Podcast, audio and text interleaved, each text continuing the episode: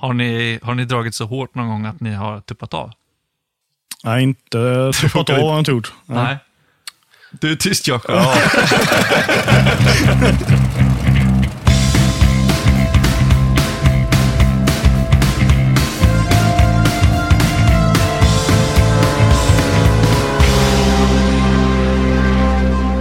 Hej och välkomna till dagens avsnitt av Flygpodden med eh, mig Marcus och idag har vi väldigt fint besök, Västerås besök. Varmt välkomna Jakob och Gustav. Tack så mycket. Ni får, ni får ta och presentera er. Jakob, du kan väl börja? Ja, eh, Jakob Pollen heter jag. Och, eh, ja, vi befinner oss på Edströmska gymnasiet här i Västerås på Flygteknikerskolan där, som jag för övrigt jobbar på för tillfället och framåt. Ehm, ja, vi, vi är väl här för Scandinavian Airshow. Ja, precis. Mm. Exakt. Och, eh, ja, det är en... eh, Ja, det är ett företag som, eh, som jag har drivit i ganska många år. Vi håller på eh, huvudsak med flyguppvisning. Just det. Och eh, ja, vi är stationerade här faktiskt i, i Västerås, då, fast i en annan hangar och eh, ja, med våra fem flygplan. Tre utav, som är mina då, och eh, två stycken som opereras av Bengt Andersson. Hur, hur hamnar man i, i den här branschen? Det är ju inte det vanligaste att driva flyguppvisningsföretag. Liksom. Nej, det kan man ju kanske lugnt säga. Men, nej, det var faktiskt min pappa som startade den. Ja. Eh, han började flyga flyguppvisningar egentligen i, i början på 70-talet. Och sen så eh, genom åren så utvecklades ju eh, hans så att säga, eh, flotta med lite olika flygplan och någon gång då i slutet på, på 80-talet så skapades Scandinavian Airshow AB. Då. Okej. Och, eh, och sen växte, växte företaget genom åren och eh, jag tog över företaget året 2004 då. Min pappa gick bort 2003 då. Och från där har vi liksom utvecklat ännu mer så att säga till att bli mer en internationell aktör där vi turnerar runt om i, i världen då med våra containrar och flygplan. Då. Ja, coolt. Ja, det är lite logistik i det här ju. Ja, det är det ju naturligtvis. Så vi har ju ett team runt omkring då. Eh, där eh, personer jobbar med lite olika saker. Då. Alla behövs på sin plats så att säga, för att det ska fungera. Då. Eh, så min, min roll är väl mer liksom som spindel i nätet och hålla igång, vara motorn i det här och hålla igång allting. Och som uppvisningspilot, eh, som, i- lite idéspruta och sådär. Men sen så har jag ju folk som bromsar mig och accelererar mig. Och, och gör saker och ting också som inte jag behärskar. och Så, där. så att det är ett, st- ett ganska stort team. Då, så. Ja, spännande. Och du Gustav? Vem är, du får chansen att presentera dig också. Ja, tack så mycket. Ja. Eh, ja, jag heter ju Gustav Salminen. Har eh, blivit en del av Scandinavian Airshow ja, sedan två år tillbaka ungefär. Min bakgrund inom flyget är väl att jag eh, i princip uppväxt i flygplan med en eh, far som flög småflygplan och sen började segelflyga när jag var 14 då. Sen har det bara utvecklats. Jag började med aerobatics med segelflyg och så tävlat i det på VM-nivå och sen gått in på motorflyg och även tävlat lite där. Och sen, eh, nu är man här med Jakob på Scandinavian Airshow. Ja, cool. Ni båda har fötts in i det, kan man säga. Ni hade inga val. Det var bara, fick det från farföräldrarna. Ja, det var lite så. Jag fick, eh, jag fick ett val eh, om jag skulle flyga eller inte. Det var, eh, antingen så fick jag börja segelflyga eller åka moped. Så det var mitt val. Men det var ganska enkelt. Ja. Det, är lite roligt för att eh, mitt val var precis likadant. Ja. Så min pappa sa så här, du får välja, antingen så åker du ner till Skövde och segerflyger eller så får du en moped. Så att jag åkte ner och segerflög. Men så måste jag erkänna det också, att jag, jag skaffade också en moped, för grannen hade en moped nämligen. Men den var så ramsned, så när man körde så blev det två spår, kommer jag ihåg i snön. Men jag hade ändå en stund i alla fall tills jag fick skrota den. Häftigt. Okej, men ehm, ja, vi kan väl dyka in ganska snabbt i liksom, uppvisningsflygning. Vad, vad är det för någonting? Vad, vad, är en, vad är en show? Liksom? Vad består den av? Hur, Alltså en- hur gör man? En flyguppvisning kan ju vara, man kan göra en flyguppvisning på så många olika sätt. Det finns ju så olika många typer av flyguppvisningsteam runt om i världen. Allt ifrån eh, folk som flyger ensamma då i solo-display och till stora uppvisningsgrupper och militära som Blue Angels och Thunderbirds och så vidare. Så att en flyguppvisning kan ju vara allt däremellan. Och, eh, man kan säga den typen av flygning som, som vi håller på med, eh, dels eh, solo, aerobatic, då, formationsflygning och sånt där. Eh, ofta så grundar sig flyguppvisningar, alltså de som håller på med det, att de har haft en tidigare bakgrund inom tävling då, i aerobatic. Då. Men, eh, och sen så gått vidare då. Och en del har ju fortsatt och tävlar och flyger flyguppvisning så att säga. Då. Och en del sysslar med det bara, bara flyguppvisning så att säga. Då. Men man har oftast en, en start där. så. Uh, när vi, när jag, jag, har, jag har haft liksom, kanske den förmånen, då, man ska säga då, att jag har kommit direkt in i, i det här med flyguppvisning. Jag hade aldrig någon så att säga, eh, karriär i tävling eller sånt där. Utan, och det kan väl bero på att det har inte varit en renodlad aerobatic eh, så att säga, uppvisning, utan vi har gjort så mycket annat. Wingwalking och eh, Ja, det finns ju många kategorier där. Ja, exakt. Så, att, eh, så det har aldrig varit liksom egentligen eh, aldrig varit naturligt, så att säga, utan mera då Eh, att, att skapa en bra show då, så att säga, istället. Då. Min pappa drev det på det sättet då, med alla möjliga typer av flygplan. Och från det så har det liksom utvecklats då, liksom till olika typer. Men flyguppvisning är ju det är en alltså, entertainment industry. Alltså man vill underhålla en publik. Liksom. Uh, och Det är väl det det handlar om egentligen. Då. Det är ja. lite skådespeleri och underhållning helt enkelt. Det är på samma sätt som uh, en teater eller en artist som spelar på scen. Liksom. Mm. Det är ju det, må, det måste finnas en, väldigt mycket planering eh, liksom, inför en show, kan man tänka, i alla fall för att kunna genomföra den säkert. Ja, alltså vi, vi har ju alltså en flyguppvisning som, som till exempel Ragnarök nu då, som vi kör och som Gustav eh, eh, kom in här för ungefär två år sedan och som har byggt upp med fem flygplan. Då. Där är det ju en grundbult liksom, där vi har Bengt Andersson då, som, som är med i teamet. Och han har ju flugit i Team 60 och en bakgrund i flygvapnet. Och han som har den rutinen. Då. Sen har jag flugit formation sen, sen jag kommer ihåg. Då, så att säga så. Men eh, ifrån det så har vi tillsammans, då, han och, och jag, så att säga, byggt, upp en, byggt upp en show med två flygplan. Och sen ifrån det så, att säga, så har vi byggt på då med med mer flygplan och Gustav då, och så har vi Nils med nu och så har vi haft har vi Catwalken då, som SUS flyger. Då, som, och då, så att allting liksom byggs upp långsamt då, med ta, baktank, tankar bakom, hur säkert och så vidare. Och sen är det, ligger ju enormt mycket erfarenhet bakom. Liksom. Så man vet att så, så, där kan man inte göra och det här kan vi göra och vi kan testa och se det, om det funkar och så vidare. Och så vidare. Och sen så bygger man på långsamt, så, där. så det tar ju flera år innan man har en, en, någonting som som är riktigt bra. Sådär. Och, eh, och så. Säker, så, för säkerheten måste följa med. Så att säga, ja, men precis. Det kan inte vara helt lätt att hitta folk. Nej. Nej. Det, måste vara duktiga piloter. Ja, precis. Det måste vara duktiga piloter. Man måste ha rätt inställning och tycka att det är kul och, och ha förmågan. Så, här. så det är helt korrekt. Liksom. Och inte minst geografisk placering. Mm. Det är ju det är inte ett jättestort land vi lever i, men det är, man måste hitta dem inom hyfsat nära räckhåll också. Ja, precis. Du och jag har fått åka en bit för, för den här inspelningen. Ja, det du har kommit upp från Jönköping. Ja, det är väl tre och en halv timme bilkörning eller något i alla fall. Ja. Det, det blir ungefär lika mycket varje gång vi ska träna tillsammans. Så att... Ja. ja, då gäller det att man tycker det är kul. Ja, precis. Det gäller att ha bra podcaster att lyssna på på vägen hit. Ja, exakt. exakt. Vi har ju wingwalkers också i teamet. Då. Ja, är... vad är wingwalkers för någonting? Ja, alltså, ehm, det är de som står på vingarna helt enkelt eh, på ett flygplan som, som, som vi har som heter Catwalk. Då. Och det är egentligen den, den showen som har varit störst och fortsatt är då hos oss. Då, där vi har den här formen av att vi har två tjejer då, som går på vingen. De heter Skycats då, som, en, eh, som ett namn. Då. Ja. Eh, och, eh, och sådär. Så att de, och de är också lite utspridda faktiskt. Jag kommer att tänka på det när vi pratar om det. Eh, så att vi har en som bor, de är lite utspridda, ner, allt från Skåne och sen så den som tror jag nu eh, längst norrut är väl Umeå tror jag som pluggar där. Då. Så att, eh, så att eh, det ska inte vara någon begränsning egentligen på var man bor någonstans. Utan att man, det är också, också ett speciellt eh, intresse att, vara, att gå på vingarna. Liksom. Hur, hur mm. kommer man, man, i kontakt med dem? Lägger man ut en annons? Bara, vi behöver wingwalkers till vår airshow här.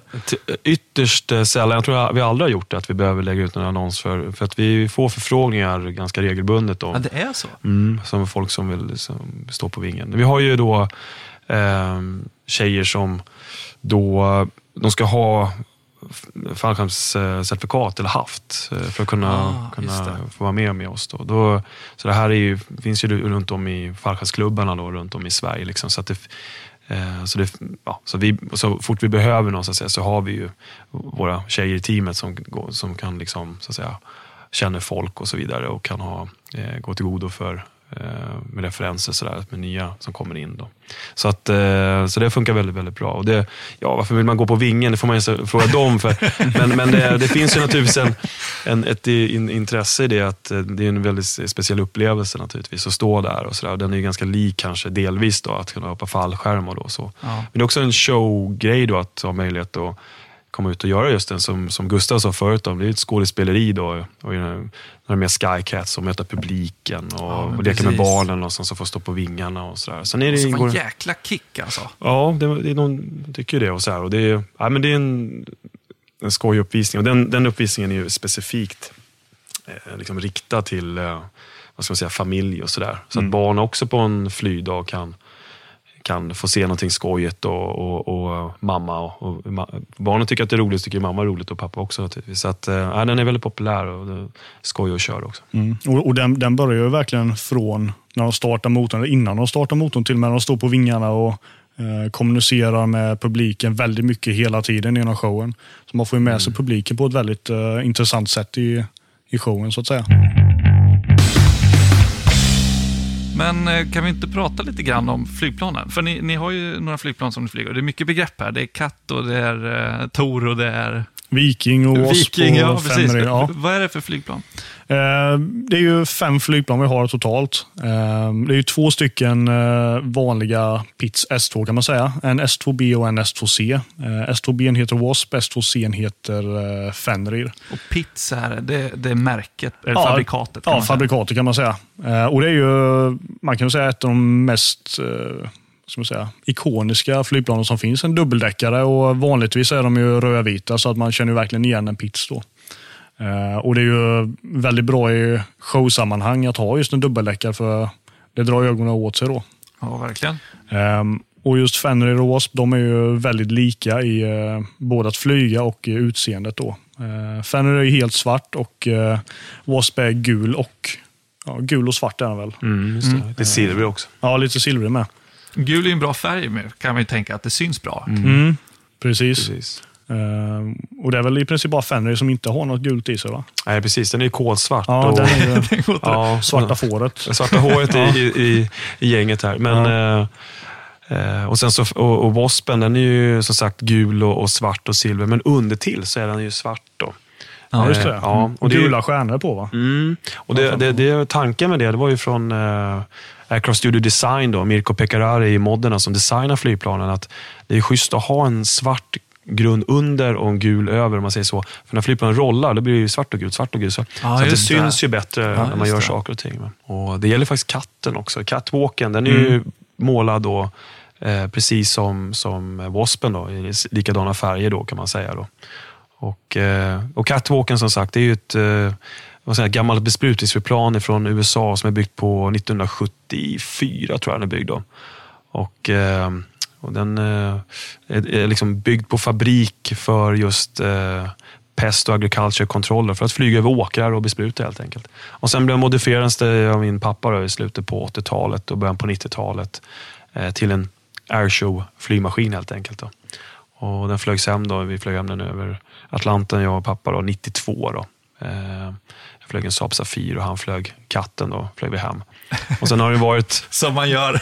ja, sen, exakt, sen så har den varit hemma sen dess. Så säga. Men nej, så att den, eh, den är väldigt speciell, specialbyggd för, för flyguppvisning. Mm, den är lite större än de andra flygplanen Ja, absolut. Ja, kan man säga dubbelt så stor. Ja. Typ. Mm.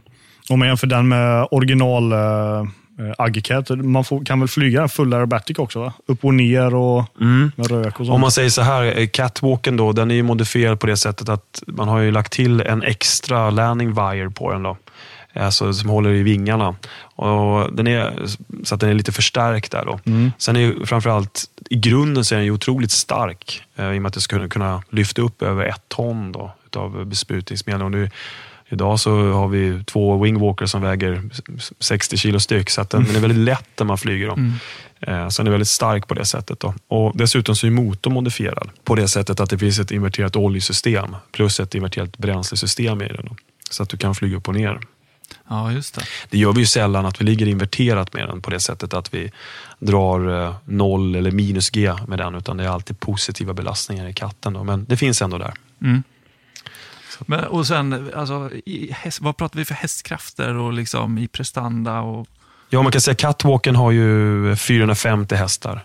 Och eh, Tor då, som Gustav flyger, den vet vi inte riktigt. Jag, jag tror att det ligger någonstans mellan 430 och 450 hästar. Ja. Eh, och eh, Viking har detsamma ungefär, eh, 430 hästar. Eh, S2B och S2C, det vill säga Fenrir och Wasp, de har 260 hästar. Eh, de väger ungefär en 70-100 kilo lättare ish. Något Ja, sånt. det, det är något sånt. Något sånt. Eh, lite skillnad, men eh, Ja. Eh, performancemässigt så kan man säga att den som har bästa performance det är, det är Tor och Viking då, av flygplanen. Då, så, I förhållande till Mm. eh, kraft i dem. Då. Och bränsleförbrukning här, hoppa in i en klubbkärra som drar, eller som kostar 25 kronor litern. Liksom. Är det samma bränsle? Ja, 100 LL. 100 eller? Allting går på det. Jajamän. Ja. ja, vad ska man säga? Vi brukar säga att katten drar 100 liter i timmen. Mm. Eh, Viking och eh, Tor drar 50-55 liter i timmen sådär, på cruise. Och, ja, du som har flugit S2B, S2C då? ja, det, är någonstans där också. Wasp. Fem, 50, ja, 45-50 timmar på cruise kanske. Ja, så att, eh, vi har ju fuel injection på dem allihopa där så att det går att magla lite. Så att de, de, eh, de ligger där ungefär. Då. Ah, okej. Men, men bränsle, bränslet är den lilla kostnaden på en flyguppvisning kan man säga. Ja. Så, men en dock ändå så... så men om man cruisar med katten till exempel, eh, så visst drar det iväg när man ska åka långt ner till Polen och sådär. när man är såna. Det rör ju inte på sig. Så att det, Nej, den är långsam Det är det. också. Så att, eh, har man motvind så är det inte alls roligt. mm, precis. Går det både långsamt och är dyrt? eller? Ja, man kan ju ha en, eh, man har haft ground speed som har legat runt sådär kanske 55 knop. Liksom. Mm. Och sen drar det 100 liter i timmen, så då är det nästan bättre att stanna på marken och Ja. vänta lite.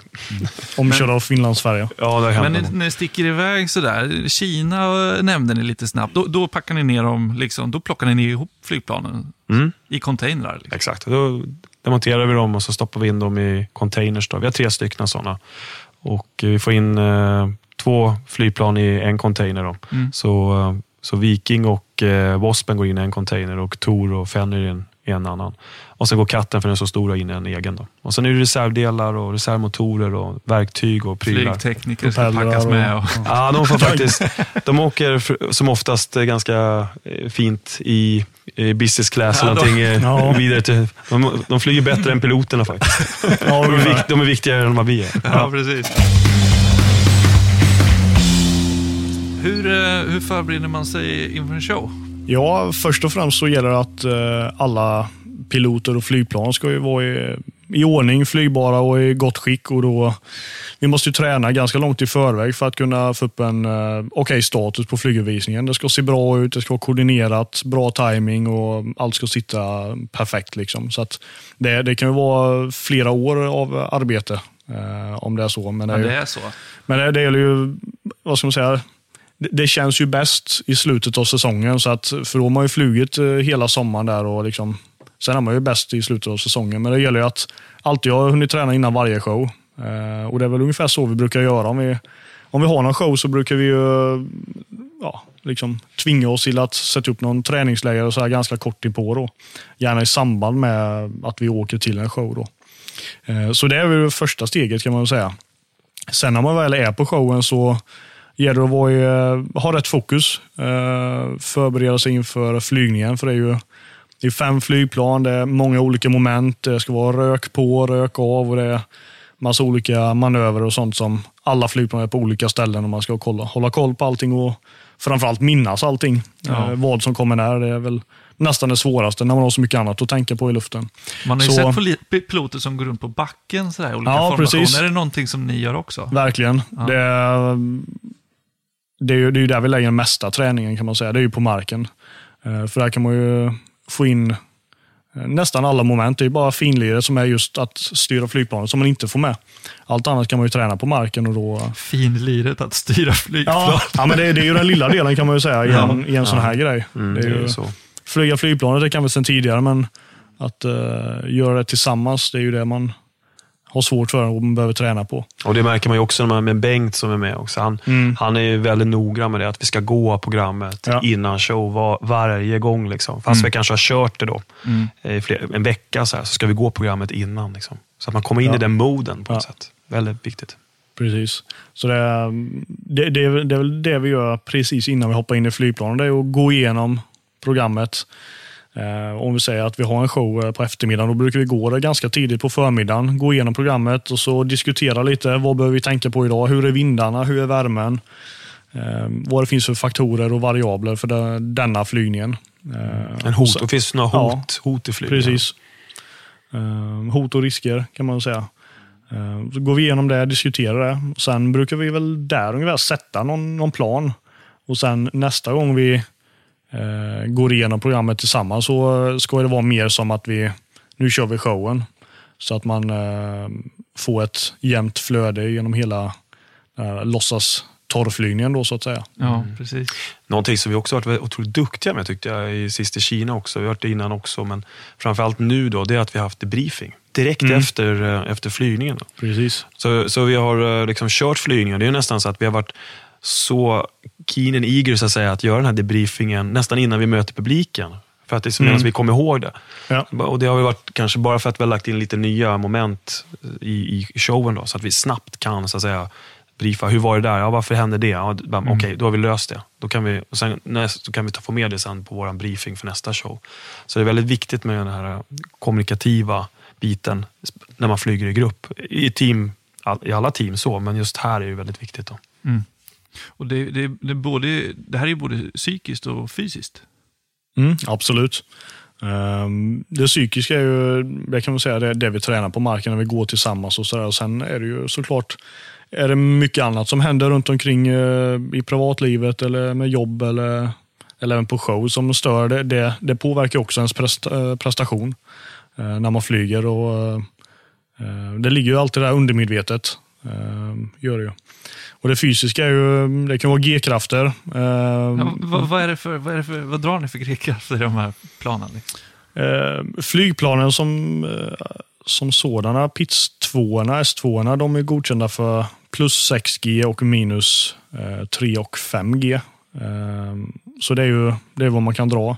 Man, det är ett rätt eh, stort spann. Ja, det är det. Eh, och om man kör en soluppvisning med den, då ligger man kanske plus 6, minus 3, 4 någonting. Eh, Medan i Ragnarök, då är det väl sällan över 4G tror jag. Eh, Medan Tor och Viking, de har ju ett ännu högre spann då med G-belastning. Mm. Ja, och de är ju, så att säga, godkända för plus, plus minus 12. Så det är 12G, så de är ju Oj. väldigt, väldigt starka. så.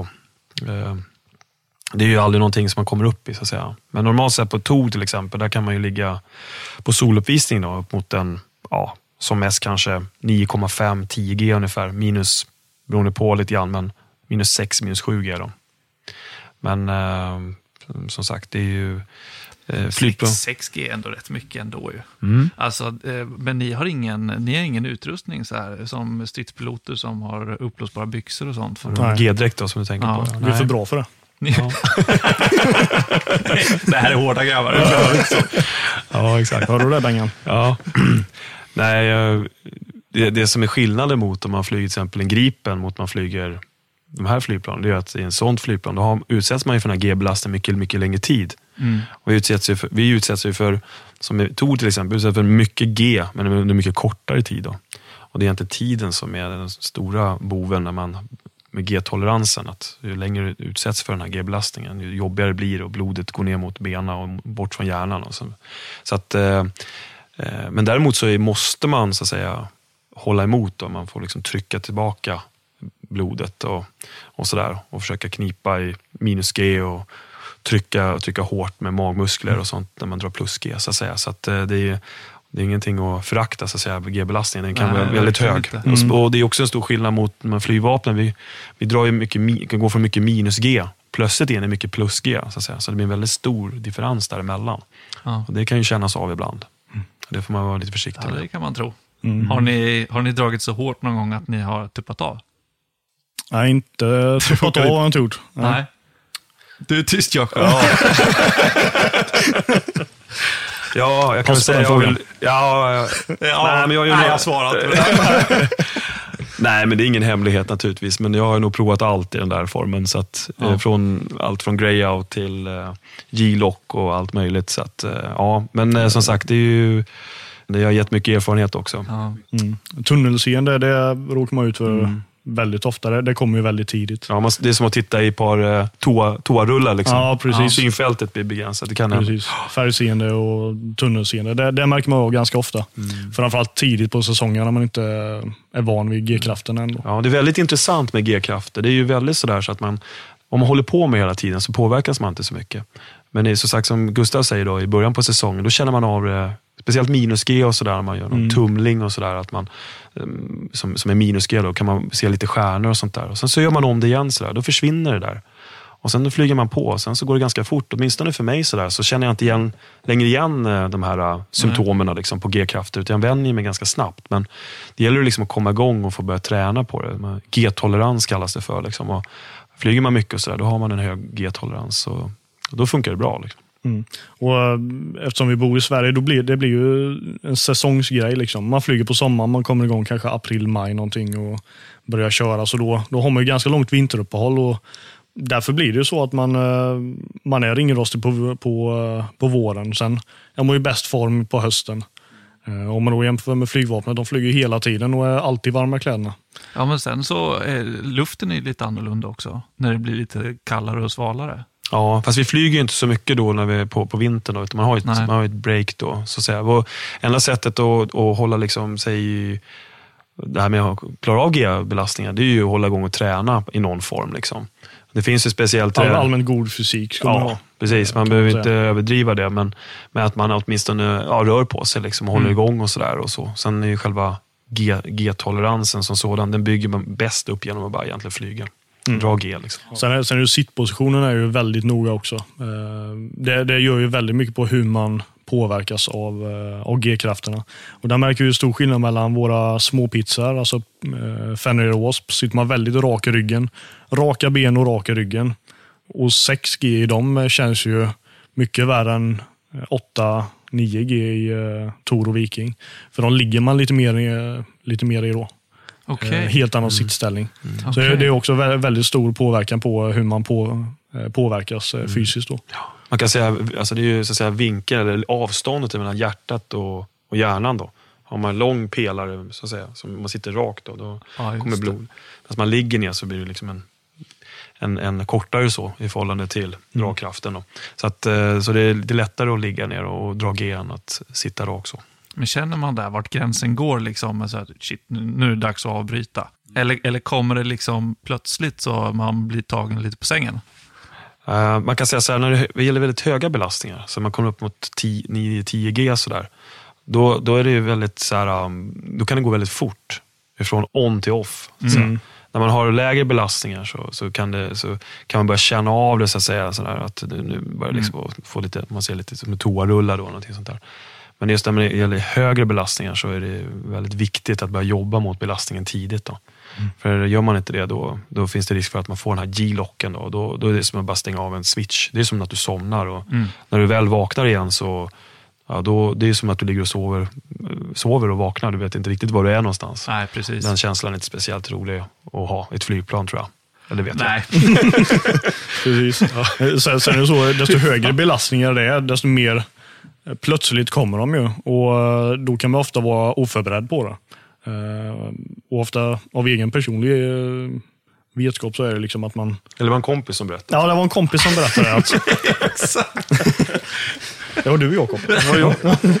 Okej. Nej, men man, eh, om man, om man ger sig på nu ska jag dra riktigt hårt, typ 10G, då måste man ju också vara beredd på att man faktiskt ska göra det. För annars så, om man drar 10G och är inte beredd på det, då, då släcks Ja. lyset ganska snabbt. Ja.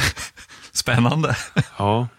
Nej, det är, det är en, som en soluppvisning till exempel. Det är ju en fight från början till slut. Liksom. Mm. Ta i allt vad man orkar. Det är som ett spinningpass brukar jag säga.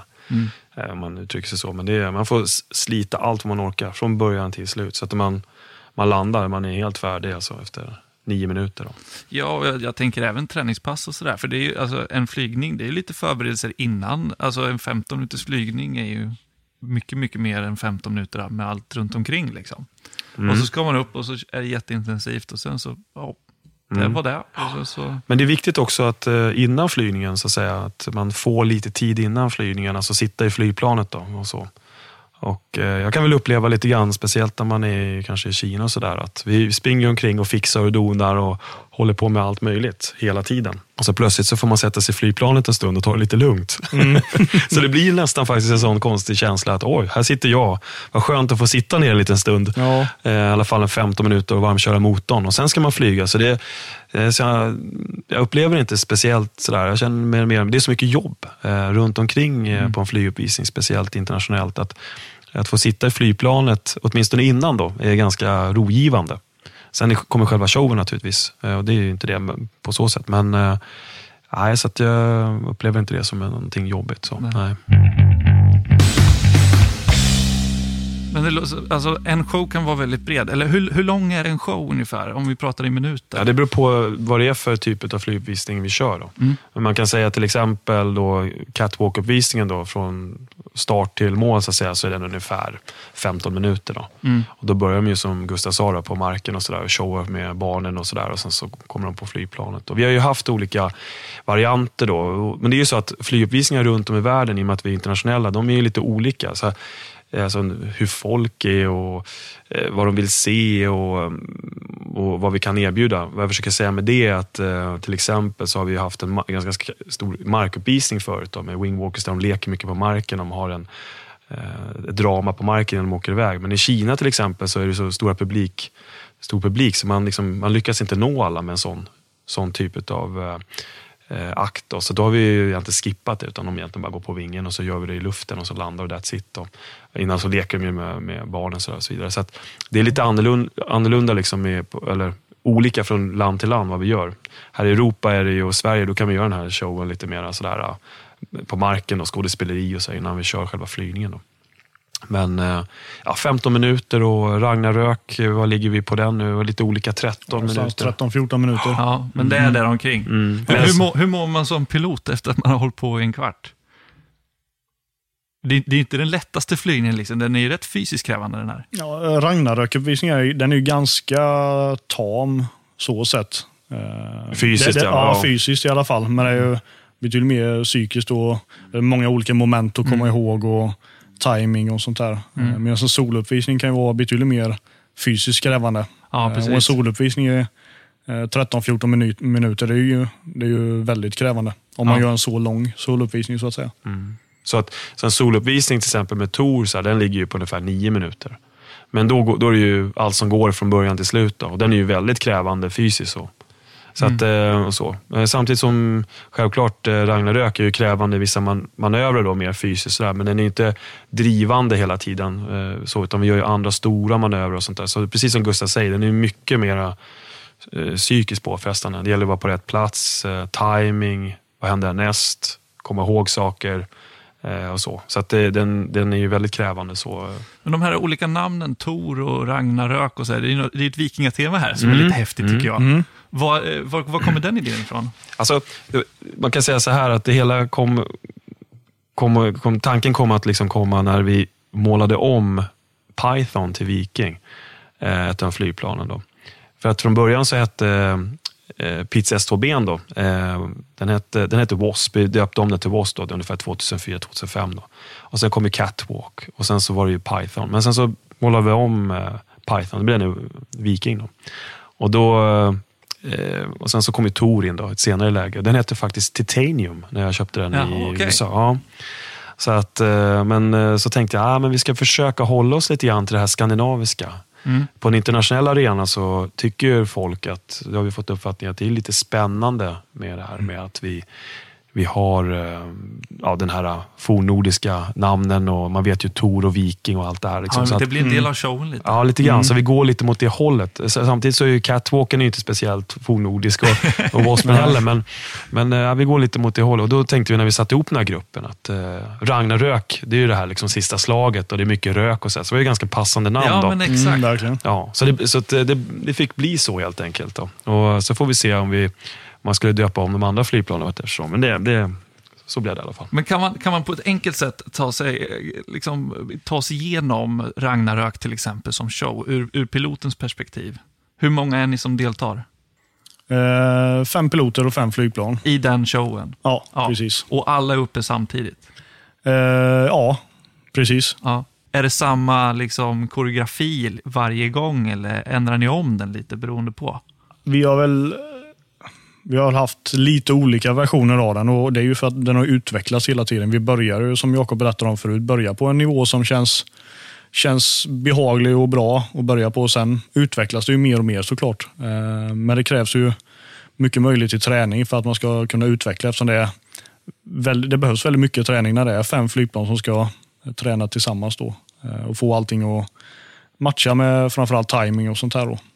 Ja, man kan ju säga att delvis har ju uppvisningen byggts upp eh, från det som jag och Bengan körde då från början med två flygplan. Vi körde Viking och Wasp. Då. Och sen så, vi hade liksom lite grann som grund att sånt där, så där, det, här, så här, det här funkar. Liksom. och sen så kommer det in fler flygplan. Och hur kan vi göra då? Och så gör vi manövrar som så att säga, passar in med det vi gjorde innan. Men det som är det stora tycker jag, som är häftigt med Ragnarök, det är ju att vi vi har ju catwalken då, som mm. är så att säga modeförplanet i showen. Och catwalken är ju sådär att den har, har en, får ett himla massa rök. Och vi kan ha färgad rök och, och sådär. Den är lite större. Den är större och mycket, ja, mycket större. Med mycket på. Ja, exakt. Och det går mycket, mycket långsammare än de ja. andra flygplanen. Därför kan vi egentligen, vi gör bara egentligen formationsflygningar i, i i förband om man säger, bredvid varandra när vi flyger förbi. För vi, flyger alldeles, vi flyger så långsamt, eller katten flyger långsamt. Vi, vi flyger för långsamt. Kattens högsta fart är vår lägsta fart ungefär. Ungefär så. så. Det, ja. det, är väldigt svårt att flyga tillsammans. Ja, just det. Men då använder vi då eh, catwalken som en mode för plan och, och, flyger runt det så att säga. Och kan göra loopingar, den loopingen och, och flyger runt den och sådär. Så, så det blir väldigt dynamisk uppvisning. Så att, eh, jag tror att den är väldigt eh, populär på det sättet att eh, mm. den är ja, lite annorlunda. Ja, jag tror det är lite, lite roligare att titta på i alla fall när man själv tittar på, på uppvisningen efteråt. Det blir lite mer dynamiskt, lite roligare att titta på eh, jämfört med andra formationsuppvisningar som de flyger i formation hela tiden kanske. Ja, traditionella flyguppvisningar. Ja, traditionell flyguppvisning. Ja, alltså i formation. Ja.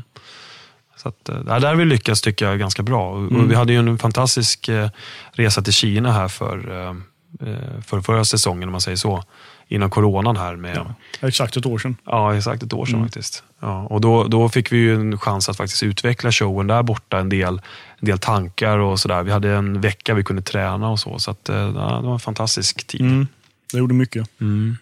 Men ähm, det här med, med rök, Ragnarök, ni har eh, LED-lampor också, eller mm. laserlampor, eller vad kallar man det? Ja, exakt. Och det, är, alltså det är ju något helt annat. Då. Så, så, som Scandinavian Air Show då, har ju flera olika typer av flyguppvisningar. Wingwalking, och så har vi Ragnarök, solo display. Eh, men sen har vi också den här eh, nattshowen då, som egentligen också är absolut populäraste vi gör då. Sist vi gjorde den var i Australien faktiskt, på, ja, okay. i Avalon. Då. Och vi kallar den för LLP. Då. Och det står för LED, Laser och Pyro. Då. Och det här är koordinerat till musik då på, på marken. Ah. Och vi har byggt systemen själva och flygplanen är ju liksom byggt för, den här, byggt för det här ändamålet. Då, liksom att köra i grunden då, med de här pyrotekniska poddarna vi har på flygplanet och de här systemen då, som är lite vidareutvecklade kan man säga. Och eh, då flyger man när det är mörkt. Och sen så eh, skjuter vi fyrverkerier från olika delar av flygplanet och eh, så har vi LED-lampor. Helt normalt liksom. Ja, vi, ja vi, vi, vi, både Gustav och jag, vi är uppvuxna med det här så vi vet inget annat. så att, eh, det är helt naturligt. Eh, och sen så har vi då LED-lampor under vingarna och sen har vi faktiskt ett, ett samarbete med ett företag som heter Laser Image som är fantastiska. Där Claes Magnusson då, är en av deras tekniker och vi har jobbat mycket med honom bygga upp en lasersystem då på flygplanet som, eh, som, som funkar väldigt bra. Så att, eh, vi är unika i världen där och, på att göra den här uppvisningen. Och den är väldigt rolig. Det är jag som flyger den. Då. Den är ganska krävande. Allt det vi gör kan jag säga, allt ifrån att flyga solo, display med Tor och Ragnarök, så är nog LLP absolut krävast, mest krävande flygningen då, uppvisnings, uppvisningsmässigt. Då. Ja. Både alltså psykiskt då naturligtvis, det är inte mycket G så, men ha koll på läget. Då. Det är en blandning liksom att flyga på instrument och flyga med visuella referenser då, i väldigt speciell miljö. Då. Oftast när vi flyger den här så är det när vi är i Indien och i Kina och vad det nu kan vara så, så är det oftast väldigt varmt på mm. kvällarna mm. med dålig performance och sådär. Så att, eh, men en väldigt populär, otroligt populär uppvisning. Så att, eh, jätteskoj och naturligtvis att flyga den också för att den är det. Så att eh, folk det blir glada. Det låter som man får vara lite uppfinnar-Jocke liksom, för att få till det här också, eller?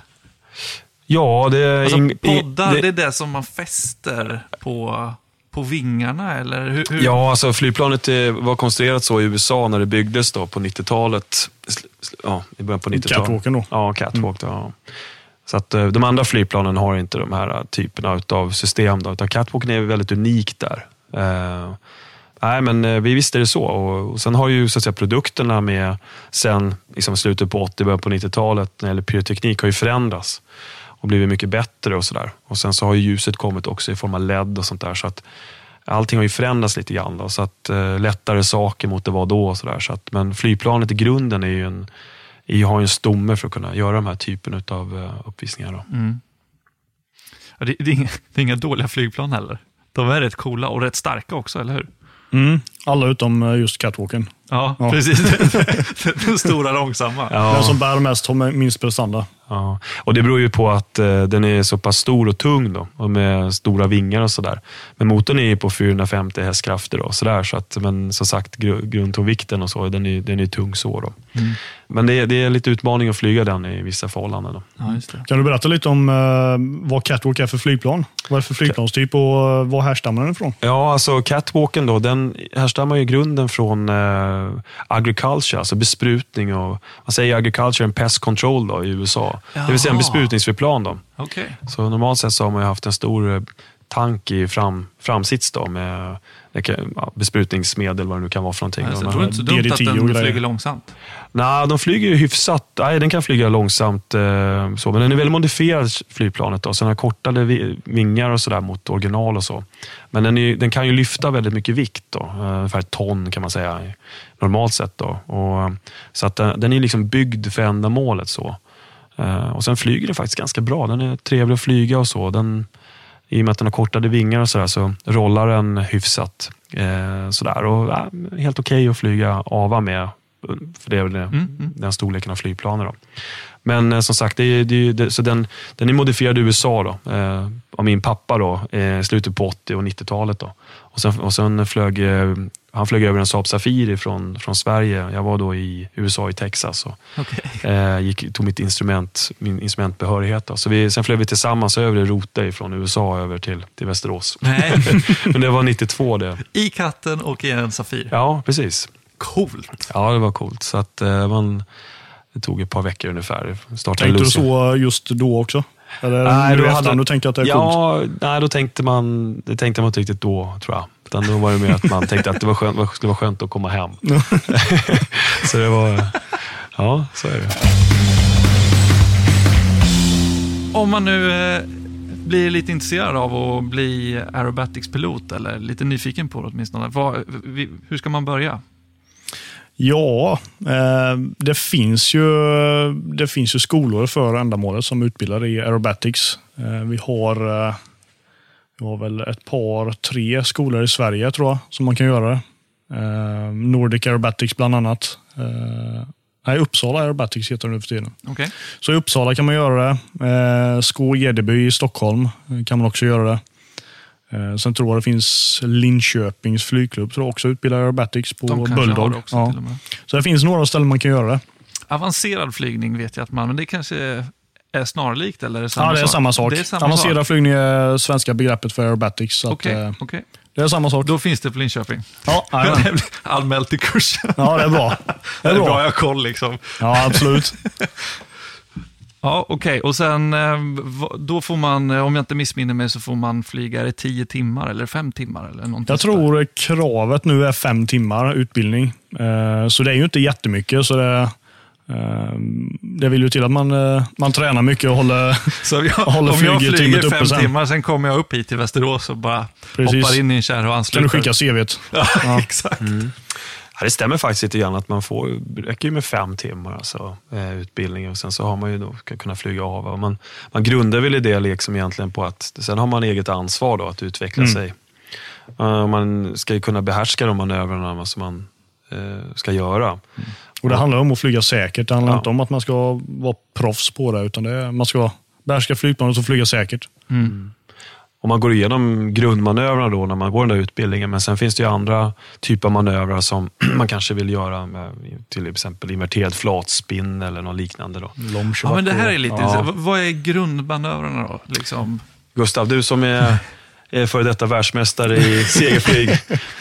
Nej, men, eh, vad kan man säga? Grundmanövrarna brukar man väl säga är looping och eh, rollmanövrer. Eh, Ganska grundläggande. Vanlig looping, vanlig roll, halva kubaner som är då en, en halv looping med roll efteråt då, så man kommer ut rättvänt. Det är väl de eh, primära manövrarna. Sen är det ju spin såklart, tränar man mycket på utbildningen också. För det är ju ett moment som man inte tränar så mycket på i PPL-utbildningen, så att det kommer betydligt mer i en eh, AVA-utbildning då. Ja, just det. Och sen de här lite mer avancerade manövrarna. Mm, de, är- lite de är inte så... Jag har glömt vad du sa Ja. där, men du sa något spännande. Nej, men det är, det är ganska intressant. För det finns ju, alltså, för det första så måste man själv vara mogen för att göra dem. Ja. Nummer två, alltså, så måste jag ha ett flygplan som klarar av dem. Så att de där två eh, så att säga, bara sakerna gör att det, det tar ett tag att komma dit. ja. Så att, eh, och när man väl har bestämt sig för att göra det, det är lite grann som, som Gustav sa, att visst man kan gå upp och, och testa då. Man kan också tänka sig att man åker över, som ett exempel, antingen till, till Ryssland eller kanske till USA, till en skola där borta där det finns, eller kanske någon i Sverige också, det är lite mer tveksamt, men och eh, ja, få lära sig helt enkelt hur man, eh, hur man gör de här manövrarna. Min, min pappa gjorde det. Han åkte faktiskt till USA, om inte varje år så varannat år då, och tränade in vissa manövrar. Då. Det var ju på 80-talet sådär och då kom ju Lomchevak och sådana saker, såna kullerbyttor man kunde göra med flygplan. Och det, Gyroskopiska manövrer. mm, och det, och det, det kunde man ju inte alls eh, här i väst. Och till Ryssland Det kunde man fanns inte ingen åka. i Sverige som kunde lära Nej. ut det. Utan, Nej, man visste inte riktigt hur det funkar och sådär och, och på den tiden. Och ryss, ryssarna då, så att säga, Sovjetunionen, då, de hade ju sina flygplan de kunde göra, men det, gick, det var ju svårt att ta sig dit och, och träna naturligtvis det är under, eh, under, eh, under den tiden. Va? Så att då åkte man till USA då, och han åkte dit och tränade på de här manövrarna så att säga, då, och lärde sig det. Så att, eh, men i, idag finns det ganska bra dokumentation, alltså böcker och sådär. Det så man finns kan, ju böcker och det finns ju YouTube Ja. och sådär. man kan liksom fundera på det. Men det, det, det, i slutändan så är det otroligt viktigt att man förstår vad man håller på med. Ja, som det är allting. bästa är ju alltid att flyga med någon erfaren instruktör Jag och så in något vasst flygplan också. Läsa en bok och sen bara, nu ska vi se. Mm. Hur Ja, det man precis. gjorde igen? Liksom. Exakt. Precis. Och, men det är så har man gjort då när man har tränat på, på manövrar. Då, när jag har gjort det så är det ju naturligtvis så att man, man läser ju på ordentligt och förstår vad man gör. och så där. Sen, sen när man har, förstår det så att säga, och, då går man upp på väldigt hög höjd. Mm. Och, och sen testar man liksom, och ser ja, vad som händer för någonting. Då. Och Sen tittar man också på vad det är för risk i det, vad det är för hot. Liksom, att, vad kan hända för någonting? Kan man komma in i en spinn eller finns det något, kan man komma in i strukturella problem på flygplanet eller på sig själv och så vidare. Så det är ju väldigt mycket att fundera på innan. Då, så att säga. Men känner man att ja, men de här grejerna kan jag göra på hög höjd utan att det finns en, en, en, någon risk, alltså det är en form av kal- kalkylerad risk, så att säga. Ja, men då kan man ju testa det. Då, så att säga.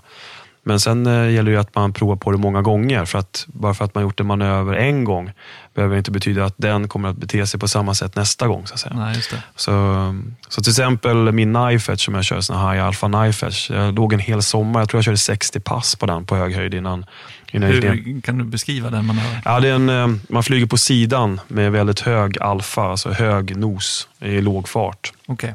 Så att, eh, som att vinglida ungefär, brukar Ja. folk förstå. Ja, just det. Och då har man ju, då har man ju liksom en, eh, en, vissa kalkylerade risker i den manövern. Då. Ja. Och, den, och sen vill man veta hur den, hur den så att säga, beter sig om någonting händer. Till exempel om motorn stannar eller någonting sånt. Då. Det tränar jag väldigt mycket på hög höjd. Då. Och, så, och såg vad, vad så att säga, marginalerna och vilka risker som, som fanns där. så att säga. Och Sen kunde jag jobba mig ner mot lägre höjder då, till, sen, ja, till slut. Då. Mm. Men, det, men det, är, det, det är viktigt att man skyndar långsamt. Liksom. Och sen att man får göra misstag. För att det är det enda egentligen man lär sig av. Det är ju misstag. Så att, men då är det bra att de händer på hög höjd och, och så vidare. Ja. Motorbortfall och sånt. Alltså man, eh, flygplanet är i massor av olika konstiga positioner här. Liksom. Och det, eh, bränslesystem eh, nämnde du lite snabbt, Jakob. Är det viktigt att eh, alltså modifierade motorer och så för att man ska kunna göra alla de här grejerna? Absolut, och det är ju som jag sa lite grann innan här också. att det är ju, grund, Grundgrejen är ju att du, plus att flygplanet måste vara byggt för det. Eh, man, får, man ska aldrig göra någon sån här manöver eller någon aerobatic manöver på något sätt på ett flygplan som inte är byggt för det. Så måste man hålla sig för, inom sina egna limitations som man själv klarar av och flygplanets limitation. Gör man det, då brukar det oftast gå bra. Liksom. Men eh, börjar man att testa saker och ting på flygplan som inte är gjorda för det, det, det, är inget bra. Liksom. Nej. Så att de är ju byggda för det här. Jag menar att flyga upp och ner och bränslesystem, oljesystem och sånt. Så att det, är, det är ju bara att köra egentligen. Det måste vara fruktansvärt roligt alltså. Ja, det är det. Ja. Det är därför jag håller på med det. Ja, så därför jag åker från Jönköping till Västerås. Ja, visst. Pendlar sig. Ja, precis. Jag skulle vilja komma in på en helt annan sak som eh, ni är igång med och som har fått lite uppmärksamhet nu i sommar. Det här med skywriting. Mm. Vad, v- vad är det för någonting? Ja, alltså skywriting det är att man ritar på himlen med rök. Eh, Det ursprungligen är det från USA, eh, där man började med det. Och flygplanen har ju de systemen. Alla våra flygplan som vi flyger har det här röksystemet då, där man kan pumpa in en paraffinolja rök, rök då, alltså en olja som är miljövänlig då, in i avgassystemet. Och det är så varmt där inne så då förbränns det och så bildar man olja. Och det är med en pump och en magnetventil och en solenoid då, så att man kan slå på och stänga av. Och eh, det här med skywriting det har jag gjort sedan många, många år tillbaka. eh, så att vi har skrivit saker på himlen och gjort eh, ja, så, så att vi har en viss erfarenhet. Däremot så är det ju inte speciellt regelbundet. Då. Och det är med hänsyn till att vi fokus, det är ganska omfattande jobb, mycket jobb att eh, liksom, göra en skywriting, för du måste förbereda det väldigt mycket. Eh, Men eh, vi har gjort det i, eh, i Dubai, Alain gjorde vi det. Vi har gjort det i Indien då, med hjärtan och sådär. Ja, för det, det var ju mitt under corona, liksom, pandemin här i somras ju. Mm. Så man kan säga så här att eh, eh Bengan, då, Bengt Andersson som, som flyger Fenrir då, och eh, Waspen, men huvudsak Fenrir. Han har, en, eh, har tränat lite grann på att göra hjärtan och jag har också gjort hjärtan. Då, och så där. Har gjort det själv. Då. Och Sen har vi gjort lite andra grejer och sådär. Men så när coronan kom så tänkte vi att eh, äh, men vi måste prova på det här. Då. Sprida lite kärlek. Ja, exakt. Och, och vi hade kvar lite paraffin från Kina då, eftersom det vi pratade om innan. Då, så vi hade två fat där. Och sen så måste ju flygplanen flygas lite grann för att de ska må bra. Och samma gäller ju oss också. Ja. Så då sa jag till, till Bengan att vi sätter ihop flygplanen här på Johannesberg och sen så gör vi ett hjärta över Västerås, vilket vi gjorde då. Och det blev ju jättepopulärt. Och, ehm, sen så flög jag hem, jag har ett flygfält hemma hos mig. Och, och sen så en sån här riktigt fin sommarkväll då, eh, så tänkte jag, ah, jag går upp och ritar någonting över Bålsta då, vilket jag gjorde då. Så jag gjorde en smiley då.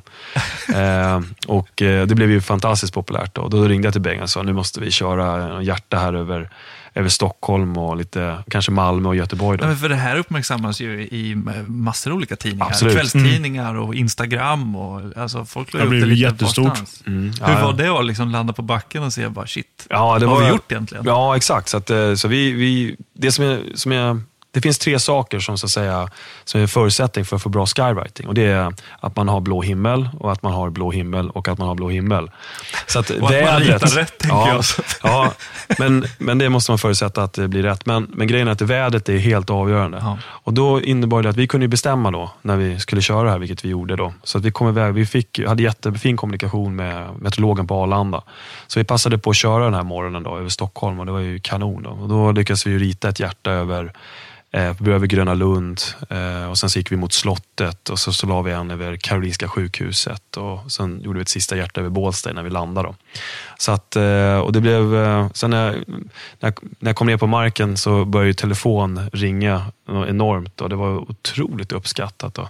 Så att då bestämde vi att nej, men vi, vi, vi åker hem till Bengan, för han har ju ett flygfält nere och säger Sebbarp. Så att vi flög vi ner en vecka Han har ett sen. eget flygfält. Ja, ja, precis som jag då. Så, att, så då åkte vi ner till... Du också. Ja, jag har också eget flygfält hemma. Så, att, eh, så då flög vi ner till honom och, eh, och så gjorde vi en, eh, gjorde en flygning över Malmö de hjärtarna. Det blev otroligt populärt. Och så Jag var vi- faktiskt i Malmö då. Det var det då? Ja, jajamän. du, du såg det då? När jag, skulle, jag berättade för Gustav förut, när jag skulle åka hit så frågade jag min sambo, så här, vilka ska du träffa idag? Så här, men du kommer ihåg när vi var i Malmö? Ja, ja, och så gjorde de ett hjärta i himlen. Ja, de grabbarna ska jag träffa. Mm. Och hon bara, ja, okej, coolt. Liksom. Ja, ja. ja. Nej, det var eh, fantastiskt. Eh, Sen så efter det så blev det ju i eh, Göteborg då, som avslutningsvis. Då. Så att, nej men hela tanken med hjärtat var ju liksom att, det, som jag sa, då, att vi själva fick flyga och, och att flygplanen fick gå lite och att vi fick köra lite grann. Så här. Det var bra. Och, eh, men också att hjärta, det är ju liksom träffande för alla. Alla kan ju behöva det på något sätt. Jag menar, alla är någonstans i livet, vad det kan vara om man är sjuk. När det gäller sjukdom, när det gäller corona, eller man jobbar hårt, eller, eller kärlek, eller sorg, eller whatever. Liksom. Så passar det alltid. Liksom. Så att vi, vi körde på det och vi var väl inte sådär specifika att det här gäller just för det här, liksom, det här eh, målet eller den här symbolen eller någonting sånt där för någon. Utan man fick ta det som det var bara. Liksom. Ja. Så det, blev, ja, det var otroligt eh, populärt och kul att göra. Så att, eh, vi får se. Vi funderar på faktiskt att göra, ett, eh, göra det igen faktiskt i vår. här. Ja, det tycker jag ni ska. Ja, du tycker det. Vi, vi har fått förfrågningar lite runt om så att, eh, eh, och att de tycker att det var så bra. Så att vi, vi tittar på det och förmodligen kanske vi, om det, om det funkar nu, då, så kanske vi gör en liten turné runt om i Sverige då. Så att, och ritar de här hjärtarna då. Får vi se. Ja, Mm. roligt. Men eh, det var ju en, eh, en lite Playstation-tema här också. Som ni gjorde. Ja, just det. Det var ju också du och, du och Bengan som gjorde det, Jakob. Ja, exakt. Härom, Playstation eh, 5. För några veckor. Mm. Ja, just det. Ja, exakt. De, de ringde och frågade om vi kunde göra det. Då. Nu är vi inne i november. Och som jag sa förut då, så är ju vädret helt avgörande. Ja. Så de ville att vi skulle köra på deras release, då, som var den 19 tror jag det var. Eh, 18 kanske var. Men så ville de att vi skulle göra den här eh, releasedatumet, då, flygning över eh, Stockholm, och Köpenhamn och Oslo. Men eh, jag sa nej direkt för att, eh, och Bengan vi sa det, det kommer inte fungera vädermässigt. Då. Så att vi kan försöka plocka någon av de här dagarna. Har vi riktigt, riktigt tur så kanske det funkar. Liksom, för att det är så otroligt osäkert med vädret. Ja. Så då lyckades vi få, då, det var väl den 19 då, som vi gjorde det. Och, bara över Stockholm. Då. Så vi utgick från Västerås då, och sen gjorde vi en, en flygning. Vi gick dit och in över Stockholm och det var ju blå himmel. Då. Men när vi kom fram så var det inte det. så det slutade med att vi gick rakt fram och gick under moln och flög eh, under moln tillbaka till Västerås. Eh, och gick upp över Västerås och ritade faktiskt symbolerna då, Playstation 5-symbolerna över Västerås. Och så landade vi tankade, väntade in, för den här målskärmen försvann då över Stockholm, gick tillbaka och skrev symbolerna två gånger över Stockholm. Då. Okej. Så att det, inte, det var inte lätt, Nej. men vi lyckades i alla fall få Det till gäller det. att ha tajmingen. Ja, Liksom. det gäller ta- tajmingen och, och känsla och tur och massa saker. Så att det, var, det är inte lätt att göra det. Vi hade vindar på, på ungefär 3000 meter som blåste mellan 35 till 40 knop. Det brukar inte, kan, behöver inte påverka för man åker med vinden, men det var ganska slitsamt uppe där så att det slet sönder symbolerna ganska snabbt. Eh, Så att ja, vi var nöjda med resultatet i alla fall, för det var första gången plus eh, de förutsättningar vi hade när det gäller vädret. Då. Så att, och det blev väldigt uppskattat så. Då. Så det var roligt. Ja, verkligen. Men kan man, kan man som företag liksom kontakta er?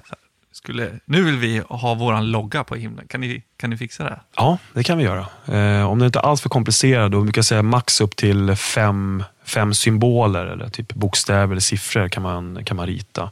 Sen börjar det bli lite på gränsen. Då, att den, Det börjar bli lite för långt. Liksom. Ja, det blir för långt så att den första, Den blir symbol, inte så diffus. ja, den första symbolen kan bli lite diffus, men fem funkar okej. alltså. Ja. Och med två flygplan då, det funkar också bra. Vi, jag och Bengan har ju, det var egentligen första, vi körde ju hjärtarna då naturligtvis, men det här var mer en koordinationsövning. Mer, mycket mer komplicerat än att göra hjärtarna. Men, men Bengan då med sin tidigare bakgrund från flygvapnet, han har väldigt fantastiskt duktig på att göra de här, eh, eh, räkna ut hur vi skulle lägga upp det och hur vi skulle göra våra Ja, just det. körbanor. Så Mm. att det, var, ja, det var, var riktigt roligt faktiskt. Jag tyckte det var skojigt. För det måste vara, alltså, på marken ser det väldigt tydligt ut, liksom, men när man Mm. väl är där uppe och allt det ska vara i nivå, eller lägger man allting i samma nivå, eller lägger man det i olika lager? Ja, vi, lägger det, vi lägger det på samma nivå. Mm. Horisontellt allting. Ja, och eh, horisontellt och, och spegelvänt och sen två flygplan. Så det är lite, det är lite Mm. att bita i. Så att det Ja. gäller att det blir rätt och med rätt timing och så. Så det det är ju konst alltså. Det Man, man ser ju inte vad man ritar heller. Det är det som är så svårt. Det blir som en diffus i horisonten så ser man inte riktigt. Så det måste, man måste röra på sig liksom och göra rätt och så. Så det krävs mycket erfarenhet och träning bakom. Ja. Och sen är det ju svårt att träna på det också. Man ska upp och träna, man ska göra till exempel de här symbolerna. Då hade vi velat träna den 9, 10, 11, 12, 13, 14 Ja, och liksom flyga varje dag. Sådär. Och det går ju inte, utan det här ska ju sitta då på release date. Liksom. Så det blir mycket markträning. Ja, och sen så är det ju det är svårt att hålla hemligt om man skulle skriva fel eller någonting. Ja, liksom. absolut. Så Så det, det- det får inte bli fel. Det Precis. Det är det ju- också svårt att hålla hemligt om man skulle träna på att göra de här äh, Playstation-figurerna till exempel. Sitta och träna där flera dagar. Då, då hade det inte blivit någon stor grej på äh, releasedagen heller. Nej. Så det gäller ju att det, Det ingen sitter just, just då.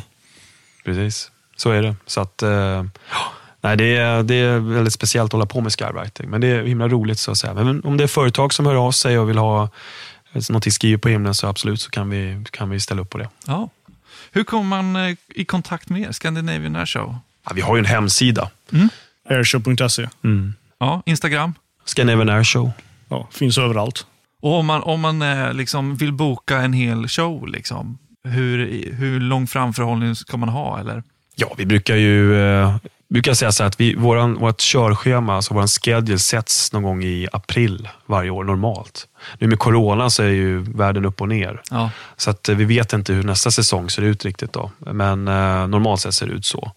Och Då sätter vi vår säsong, hur det ska se ut då, under sommaren, och hösten och vintern då, för det året. Då. Eh, så att, men eh, mindre event hemma och sådär. Man kan ju ringa eh, eller höra av sig via eh, hemsidan och så. eh, När som. Så att, eh, det är lite olika. Ja. Så, sånt mindre brukar gå att klämma in lite här och var. Så länge kärrorna inte är i Kina eller Indien eller något sånt där. Mm. Då är det lite svårare. Ja, Men så större event, flyguppvisningar och sånt, då är det ju mer... eh, Ja, ju tidigare desto bättre man hör av sig så är det ju större chans att man får oss. Liksom. Det har varit fantastiskt roligt att ha er med Ja, vad kul att få och vara få med. lyssna på Kul, er. tack så Jag tror det är många, inklusive mig själv, som har lärt sig massor. Mm, det är bra. Nej, Väldigt spännande. Stort tack, Mm, Gustav och. Jakob. Tack så mycket. Tack. Tack. Hej då.